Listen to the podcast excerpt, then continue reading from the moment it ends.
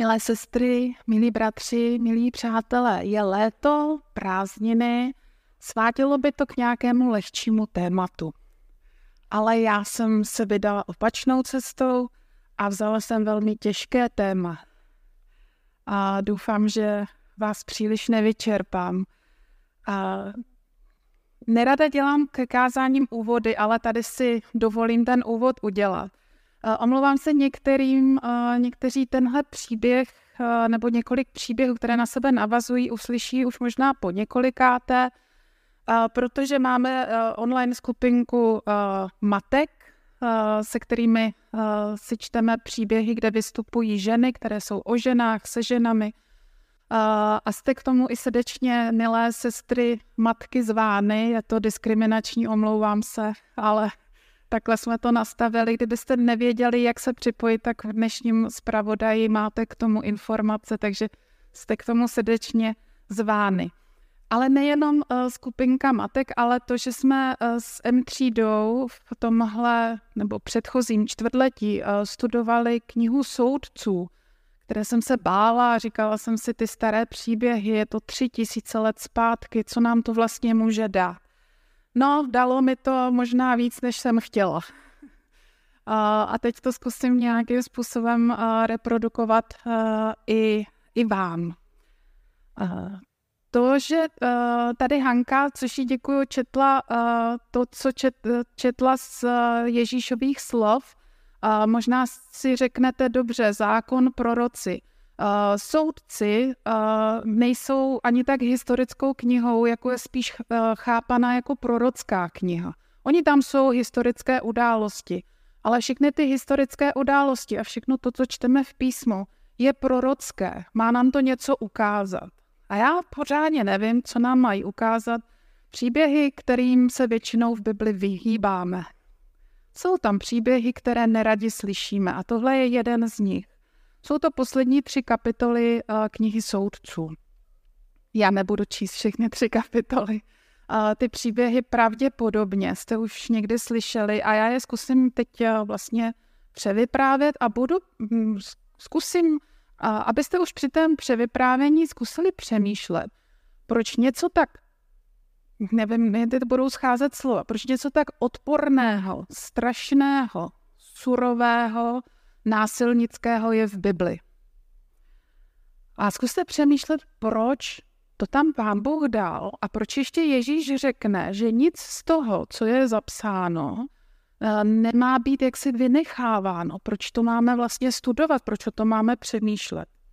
A tak tedy, eh, když eh, otevřete knihu soudců v té třetí odzadu kapitole, což je devatenáctá, tak tam čtete příběh, že Lévěc tedy potomek eh, z kmene Lévy a my víme, že Levíci nedostali žádné území, na kterém by si jak si hospodařili a vydělávali na chléb svůj vezdejší, ale měli být živeni z darů uh, ostatních kmenů, z desátku. Uh, tak tenhle Leviec žije někde v nějakém uh, v Efraimském pohoří, v nějakém jako docela nějakém odlehlém místě a Nemá manželku, ale přesto má ženu.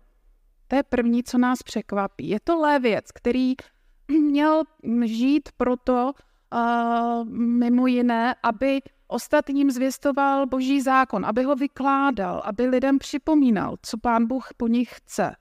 A on nemá manželku a přitom má ženu. Teď si řeknete, co, co, to, co to má být. Je tam řečeno, že on měl ženinu, konkubínu. Bylo to něco jako svatba a zároveň to nebyla tak úplně svatba, když oni se dávali dohromady. Oni měli vůči sobě nějaké, nějaká práva a povinnosti, ale rozhodně ne, nebylo to plno, nebyl to plnoprávný svazek.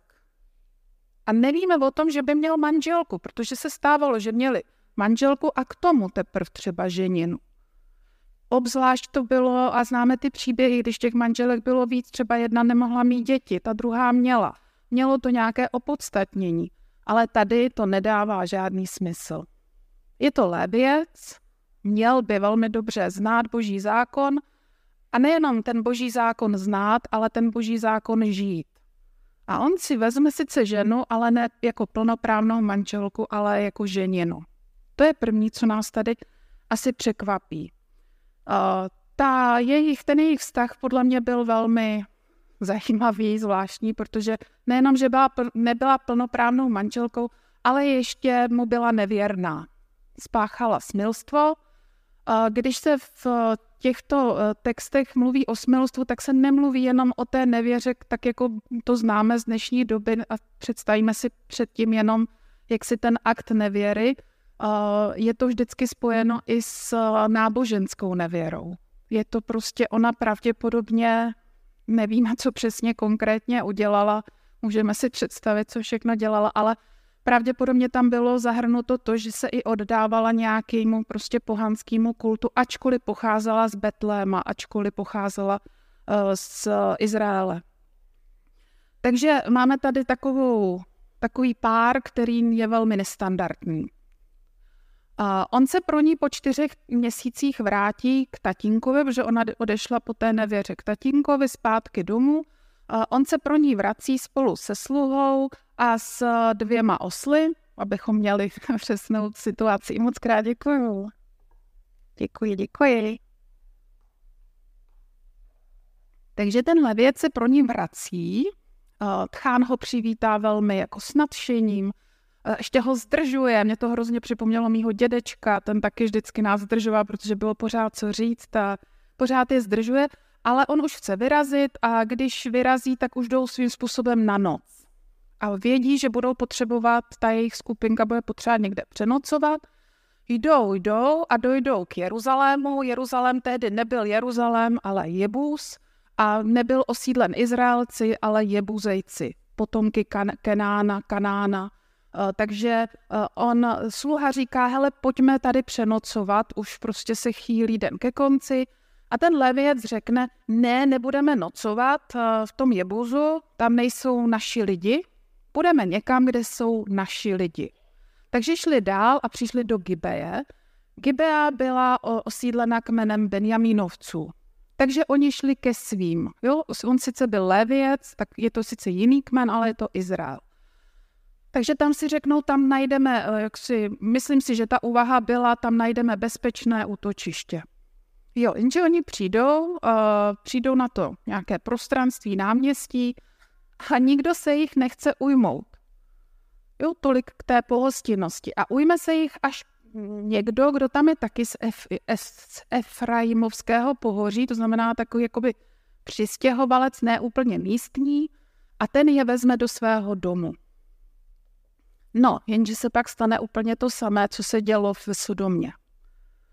A, a je to taky zajímavé, že to je Genesis 19. kapitola. A, přijdou chlapy, to se ani nedá říct muži, přijdou chlapy, zatlučou na dveře a řeknou, vyveď nám toho svého hosta, my ho chceme poznat. A to neznamená, že si chtějí podat ruku a seznámit se, odkud jsi přišel, jak se máš. Poznat znamená sexuálně zneužít. A, a to přišli do Gibe ke svým bratřím. A oni vznesou tenhle požadavek. A zajímavé je, že ten pán domu reaguje velmi podobně jako, e, jako tehdy Lot a nabídne tomu e, davu těch, nevím, jak je nazvat slušně, zvrhlíků, nechutných lidí, nabídne svoji dceru panu. Co? Jen tak jako. A ještě teda nabídne, aby teda nabídne rovnou i, i, tu, i tu ženinu toho hosta. Jako já, my, my, my je vám vyvedeme. Jako tam není ani náznak toho, že by se nějak jako zdráhali. Jako téměř až, ne, nechci říct ochotně, jo, ale naprostou samozřejmostí. A oni řekli, ne, ne, ne, takhle jako to nechceme, takhle ne. A když už ta vřava vyrůstala, tak přece jenom tu ženinu vystrčili a nedopadlo to tak dobře, jako v té proklaté Sodomě. Pán Bůh nezasáhnul, neoslepil je, jako v té Sodomě. A tu ženu tam týrali, zneužívali celou noc. Takovýhle příběh máme v Bibli. Celou noc jí tam týrali. Izraelci. Izraelci Izraelku. Ta žena se z posledních sil kránu dovlekla zpátky k domu a zůstala tam ležet. To znamená, z toho domu nevyšel nikdo, kdo by jí pomohl. Ona tam ležela a ráno levěc řekla, tak dopadlo to dobře, vydáme se na cestu. Mm, nevím, museli asi překročit, protože byla s rukama na Prahu, museli překročit a řekl, vstávej, jdeme. Levěc. Ona neodpověděla, nevíme, jestli už v tu chvíli byla mrtvá. Naložili ji na osla, bez ošetření, naložili na osla a když přijeli domů, tak tam zjistil, že je mrtvá a udělal co? Rozřezal ji na 12 kusů. A každý z těch kusů rozeslal do jednoho, do jednoho kmene. To je biblický příběh, přátelé. A až když uviděli tohle, ty ostatní Izraelci, tak si řekli, a tohle už je dost. A dost. Tohle se prostě v Izraeli dít nebude. Schromáždili se, a to už se přesouváme do 20. kapitoly, schromáždili se v Mispě, bylo jich 400 tisíc vojáků a šli velmi rozumně za, za e, těmi Gibeonci, za těmi Benjamínovci a řekli, helejte se, vydejte nám ty, kdo to udělali, tohle prostě nejde, to musíme vymítit z Izraele. Co byste udělali jako obyvatelé toho města? No řekli byste si, no to fakt jako už se přehnalo. I kdyby vám to nepřišlo nějak jako zvláštně, si řeknete, to už bylo přece jenom trošku moc. Ne, oni se berou vojsko a postaví se těm ostatním, ačkoliv mají naprosto jako převahu ti, ti, ti, ti z těch eh, ostatních kmenů, tak oni postaví svoji armádu a postaví se proti těm svým bratrům. Nám nebude nikdo říkat, co máme, můžeme a nebo nesmíme dělat. Zajímavé je, a tomu nerozumím, 20. Eh, kapitole nerozumím té eh, taktice vojenské, proč tam na ně jako nenaběhli komplet a nejdřív se dotazovali hospodina, který kmen má jít jako první. Tomu nerozumím. A dodal, byla jim dána odpověď, že Juda a dvakrát slyšíme o tom, že je porazili ty Benjamínovci což je zvláštní. Teď se tam má trestat něco, co se stalo hrozného a oni, oni utrpí dvakrát porážku a umírají tam další desetitisíce lidí. Až na potřetí za jaksi pomoci určité léčky, tak Benjamínovci jsou poraženi, zbyde, všechno je zničeno, Gibea je prostě vybita, zbyde jenom posledních 600 mužů, kteří utečou a schovají se. A 21. kapitola nám začíná tím, že na základě pravděpodobně těchto zkušeností, eh, toho, co se stalo té ženině, to, co se stalo během těch válek, těch bojů, tak eh, všichni Izraelci řeknou, my nikdy nedáme žádnému Benjamínovci svoji dceru za manželku. Zapřisáhli se. Ne. No a teď je tady 600 mužů Benjamínovců a v tu chvíli se jim to rozleží a řeknou, aha, ale my nechceme, aby jeden kmen jako zanik, aby, aby potomci našeho bratra Benjamína jako zmizeli. A co s tím teď budeme dělat? My jsme se zapřísáhli, že nedáme žádnou dceru. Nikdo z nás nedá žádnou dceru. A tak teď začínají vymýšlet, aby neporušili své slovo, což zní jako by vlastně pozitivně. Ale ve skutečnosti je to strašné, protože to vede k dalšímu krve prolití. A řeknou si, jestli pak ze všech měst vyšli všichni uh, podílet se na té trestné výpravě. No, a zjistí, že z Jábeše nikdo nepřišel. No já nevím, jak byste jednali. Jako, oni, oni jednali tak, že přišli k Jábeši. Tu Jábeš jak si vybili, všechny zabili, kromě uh, svobodných dívek. A bylo jich jenom 400, nestačilo to. Přátelé, takhle se, takhle se některé ženy staly manželkami. Nevím, jestli by se vám to líbilo. Takže 400 dívek byla výtěžnost téhle šílené akce. O, ale nestačí to. A tak řekli, heleďte v Šílu, to znamená naši bratři, kteří bydlí v Šílu, heleďte, tam bývá hospodinová slavnost a v rámci té slavnosti vycházejí dívky na jaksi takovým jako tanečním rejům. Víte co, schovejte se do vinic a až oni výjdou, tak si je pochytáte, jo? Kdo ještě nemá, tak si pochytá manželky. A oni to udělají. A protože to byly, tam už nebyl žádný trest za nic, tak eh, těm otcům, bratrům těch pochytaných, unesených dívek eh, řekli, my vás zbavujeme, my vás zbavujeme své, ty, ty, tyhletý přísahy a pro vás už neplatí, že, že nemůžete dát své ženy uh, Izraelců, um, Benjamínovců. Přátelé, tohle se děje v božím lidu. A aby to nebylo tak jednoduché, tak eh, boží lid to je církev. Širší obraz. Kniha soudců nám vypráví kus těch izraelských jako dějin, ale hlavně těch duchovních dějin. Eh, Pán Bůh vyved Izrael z Egypta, to víme. On je chce vést do zaslíbené země a kdyby Izraelci jednali jinak a byli nastaveni jinak, tak nemusí ani 40 let bloudit po poušti. Ale protože jsou takový, jací jsou, tak je potřeba dát 40-letý odklad bloudění na poušti. Pak máme dobu Jozuého, kdy oni dobývají tu zaslíbenou zemi. A když dobudou zaslíbenou zemi, ale my víme, že oni ji nikdy ve skutečnosti nedobili, oni nikdy nedodělali tu práci, která byla před nimi, oni nikdy nezískali celé, celé to území, tak nastala doba soudců, kdy pán Bůh řekl, hleďte, vy jako můj lid nebudete jako ostatní národy, vám nebude vládnout nějaký tyranský král, ale bude, budu vám vládnout já prostřednictvím soudců. No tak žijí, žijí, a, a jsou takové všelijaké nahoru dolů, zvraty, m, mm, lepší doby, ale v těch horších přibývá.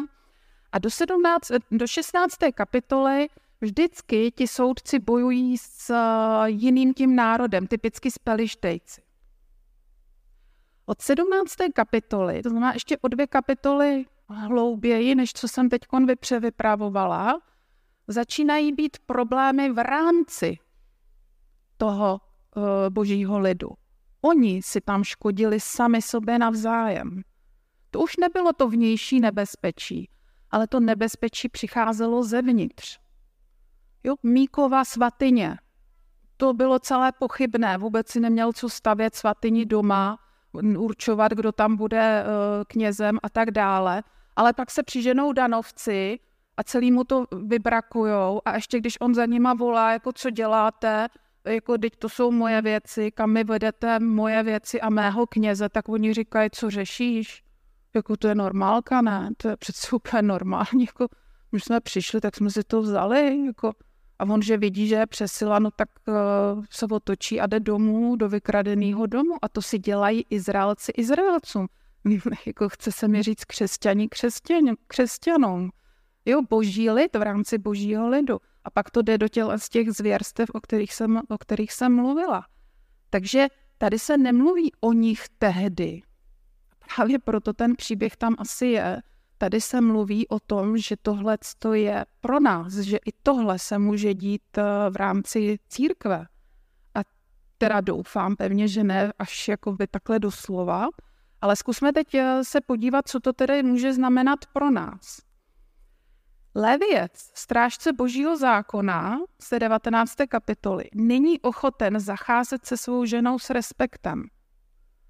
Není ochoten dát té ženě, co jí podle zákona náleží. Jde nějakými kličkami, které jsou v té době přijatelné, ale on si té ženy neváží. On sice se pro ní vrátí z nějakého důvodu, o kterém nevíme proč, co mu vlastně chybělo, a on se pro ní sice vrátí, ale jinak vidíme, že si ji neváží, protože to není jeho právoplatná manželka. Je k ní hrubý, klidně ji obětuje, když je nějaké nebezpečí, neošetří ji, nezajímá se. A tady je pro mě otázka, záleží nám jedněm na druhých? Záleží vám na druhých z vašeho sboru, z vaší církve, ale z, i z našeho okolí, ve sboru, v našich rodinách. A myslím si, že tak, jak jsme četli i dneska při sobotní škole, když uh, jsme četli z druhé kapitoly Efeským, uh, že se ukáže, jestli jsme boží na tom, jestli děláme ty boží skutky, které nám Bůh připravil, ne proto, abychom byli spaseni, ale protože už jsme spaseni, to znamená ne aby, ale protože už jsme spaseni. Myslím si, že se velmi dobře ukáže na tom, jak jsme na tom s Pánem Bohem, na té situaci, když máme vedle sebe někoho, nad kterými máme převahu, nebo dokonce moc nějakou, jako on měl nad tou ženou. Jestliže se k druhým, kteří nám to nemají jak vrátit, chováme, um, chováme bez respektu, hrubě, bez zájmu, tak co to vypovídá o našem vztahu k hospodinu? No pak jsme jako ten lévěc, který se chová k téhle ženě své, své prostě tak, jak se chová. Jak zacházíme s těmi, nad kterými máme převahu a moc? Jak? Tak se ukáže taky, jaká, jaký je náš vztah k hospodinu. Přátelé, jak se to stane, že v církvi někdo nedostane a nenalezne zázemí, ale nakonec naopak ohrožení. Oni nešli do toho Jebůzu, kde nebyli Izraelci, ale šli do Gibeje, kde jsou Izraelci. Šli mezi své. A co tam našli? Ponížení a dokonce smrt. Přátelé, nedopustme, aby ti, kteří uh, u nás, mezi námi, jako v božím lidu, jako v schromáždění věřících, aby našli ponížení nebo dokonce smrt myšleno teda duchovní. Nedopustme to nikdy. My vůbec netušíme, jak by se zachovali jebuzejci. A je dost možné, že by se zachovali dobře. Ale to nevíme. To už si domýšlím. My jenom někdy říkáme, podívejte se na ty venku ve světě, jakcí jsou a jakcí jsme my. Ale tenhle příběh nám ukazuje, že boží lid, ten, kdo počítá s hospodinem, ze určitých podmínek může být horší než ten, kdo s hospodinem nepočítá. Abychom na to nezapomněli, že to riziko tady je. Jak se stane, že v rámci církve převládne necitelnost, bezpráví? A co se nakonec musí stát, aby to boží lid probudilo? Vzpomeňte si na tu rozsekanou mrtvou ženu. Jako ono to zní strašně morbidně a je to morbidní, ale přátelé, v té době s nimi nepohne nic menšího, než něco takhle hnusného. Jak to, že to může dojít tak daleko, že nestačí jak si to, že danovci prostě uh, se vykašlali na dobývání svého území, vybrakovali Míkajášův dům a ještě uh, vybili bezbrané uh, město Lajiš takhle má, takhle má jednat boží lid? A ještě si to, ještě si to omluví tím, že, že v té uh, svatyni Míkajášově ten kněz jim řekne, Bůh vám žehná, běžte. No jako žádný žehná a žádný běžte. Co se musí stát, aby to boží lid probudilo? Proč musí dojít věci tak daleko? Proč se musí nejprve vidět hrozné věci, aby pak teprve možná někdo zasáhl. Pokrčíme rameny, tak to je, to je ten hříšný svět. To se děje, co já s tím. Jsme ochotní se postavit za právo, za v zákon milosrdenství. Víte, my někdy lpíme na dodržování zákona a je, může to být dobře. Víte, ale zákon Teď si vzpomínám na jednu scénu z mého oblíbeného filmu Amelie z Montmartre. Ne, jestli ho znáte, strašně mám ráda. A ne, nemáš ráda. jo, je, on je specifický, ale dobře, tam je jedna scéna, kdy je taková ta živá socha, kdy ty lidi na sebe napatlou tu stříbřenku, měděnku a udělají ze sebe sochu a ta socha takhle ukazuje nahoru. A ten hrdina jeden kouká na ten prst a dítě přiběhne a řekne mu, jen hlupák kouká na prst někoho, kdo ukazuje. Jo, ty nemáš koukat na prst, ty máš ukazovat kam, teda dívat se, kam ukazuje. No a on se teprve pak podívá tam, kam ten prst ukazuje a pak teprve vidí, co potřebuje vidět. A to je přece, to je přece role zákona. Ano, my potřebujeme zkoumat ten prst, ale my potřebujeme hlavně zkoumat směr, kterým ukazuje. A obávám se, že dost často eh, končíme tak, že my máme dokonale popsanou tu sochu, ten prst, ale nepodíváme se, kam směřuje. Ten zákon přece uh, je o tom, aby nás směroval. Zákon sám o sobě vlastně podstatě jakoby k ničemu není, když ne, neslouží k tomu, aby nás nasměroval, aby nám něco ukázal. A tak my jsme dokonalí v tom, že popíšeme ty prsty, kolik jich je styčených a kterým směrem, ale vlastně se nepodíváme tam, kam směřují. A oni také byli velmi nadšení eh, vyznavači kde čeho, ale ten směr ztratili. A proto je to, je to vlastně prorocká, tyhle příběhy, hnusné příběhy, které když na ně někdo narazí bez přípravy, tak často Bibli odloží a řekne, no jestli je Bůh takovýhle a, a křesťanství a Bible takováhle, tak já to nechci. Ale právě proto jsou ty texty prorocké, aby nám ukázali, že ano, ačkoliv s hospodinem počítáme, ačkoliv jsme uvěřili v Ježíše a jeho oběť, může se nám za určitých podmínek stát, že to někde postrácíme. Jsme tedy ochotni se postavit za právo, za to, kam směřuje hospodinův zákon. Zákon milosedenství. V rámci nejenom církve, ale i v rámci společnosti. Víte, ten zákon apeloval na pomoc nejzranitelnějším. Vdovy, uh, uprchlíci, uh, sirotci, tam je obrovský apel na ty, kteří jsou nám na obtíž často, kteří nás otravují, obtěžují, nemají nám jak vrátit milosedenství, ale ten apel toho zákona je jasný. A jsme ochotni vydržet, i když se ta náprava nedaří. Víte, když bojovali Izraelci s těmi Benjamínovci, ono se to taky nedařilo a mohli si říct, tak Bůh nám nežehná, tak my to rozpouštíme a jdeme domů, ať si tam teda ty Benjamínovci dělají, co chtějí ale oni strát, za, za obrovských ztrát šli druhý den znovu do boje. A zase prohráli. A třetí den šli znovu, uh, obětovali, modlili se, postili se, volali k hospodinu. Hospodin je vždycky poslal, to je vlastně strašně těžký. Jak to, že tam je řečeno, že hospodin je poslal a stejně prohráli. No oni měli taky máslo na hlavě, oni se taky potřebovali něco naučit, ale je to strašné, když to stojí tolik lidských životů tak jsme ochotni vydržet, i když ta náprava prostě nejde hned a hned se nezadaří. Jsme ochotní do toho jít i za těchto podmínek. A jsme ochotni přehodnocovat svá slova, postoje a možná i let, kdy to, čemu jsme dříve věřili, když zjistíme, že to je nefunkční. Víte, oni byli děsně zásadoví v tom, že když řekli to svoje slovo, nedáme vám ty dcery, tak to dodrželi. Podobně před tím jiftách, když uh, zaslíbí toho, kdo vyjde první, jako k oběti. Ale to přece po nich nikdo nechtěl. A když už to tak hloupě a za, za těch uh, svízelných okolností slíbili, nikdo po nich nechtěl, aby něco takhle hloupého a nesmyslného dodržovali.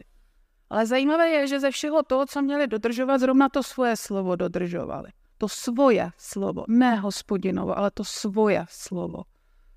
Jsme ochotní přehodnotit, když něco z toho, čemu věříme a věřili jsme, že to tak je správné, ale zjistíme, že to nefunguje, že to vede spíš k tomu, že je někdo právě týraný, zneužívaný, ať už fyzicky, psychicky, jakkoliv, jsme ochotní to změnit, nechat se proměnit jsme ochotní nepovyšovat sebe a své slovo nad hospodina a jeho slovo.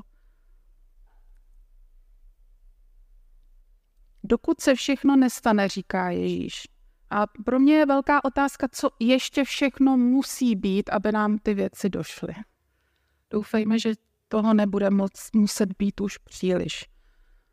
Ale bych nekončila pesimisticky. Zajímavé je, že z, té, z téhle uh, Gibeje pochází první král Saul. To taky není moc pozitivní, že jo? I když jako vybral ho, hospodin vybral. Uh, ale co je zajímavé, třeba takový apoštol Pavel, um, studujeme list efeským, je Benjamínovec. A je zajímavé, že z těch kmenů, které přežili tu, tu asyrské uh, zajetí a potom i to, uh, a vůbec se vrátili z uh, babylonského zajetí, takže to byli judejci, benjamínovci a část levitů. Co nám to chce říct? Jako to pán Bůh neměl k dispozici něco lepšího, než takovouhle potomky, takovéhle smečky, to se ani říct, že to byli lidi. No, jako jestliže oni měli naději, přátelé, tak každý z nás má naději. Jestli myslíte, že jste v životě udělali, nebo možná teda i uděláte něco strašného, pán Bůh nám v tom zabraň. Jestliže takováhle smečka, takovýhle zvrhlíci, takovýhle, já nevím, jak to popsat, mají naději a dokonce se mohou stát požehnáním, zejde z nich a poštol Pavel, no tak máme naději i my všichni vám přeji, ať vám pán Bůh žehná a ať, ať vidíte, že i hrozné příběhy vlastně mohou mít dobrý konec i v našich životech, tak jako v Bibli. Pán Bůh vám žehnej. Amen.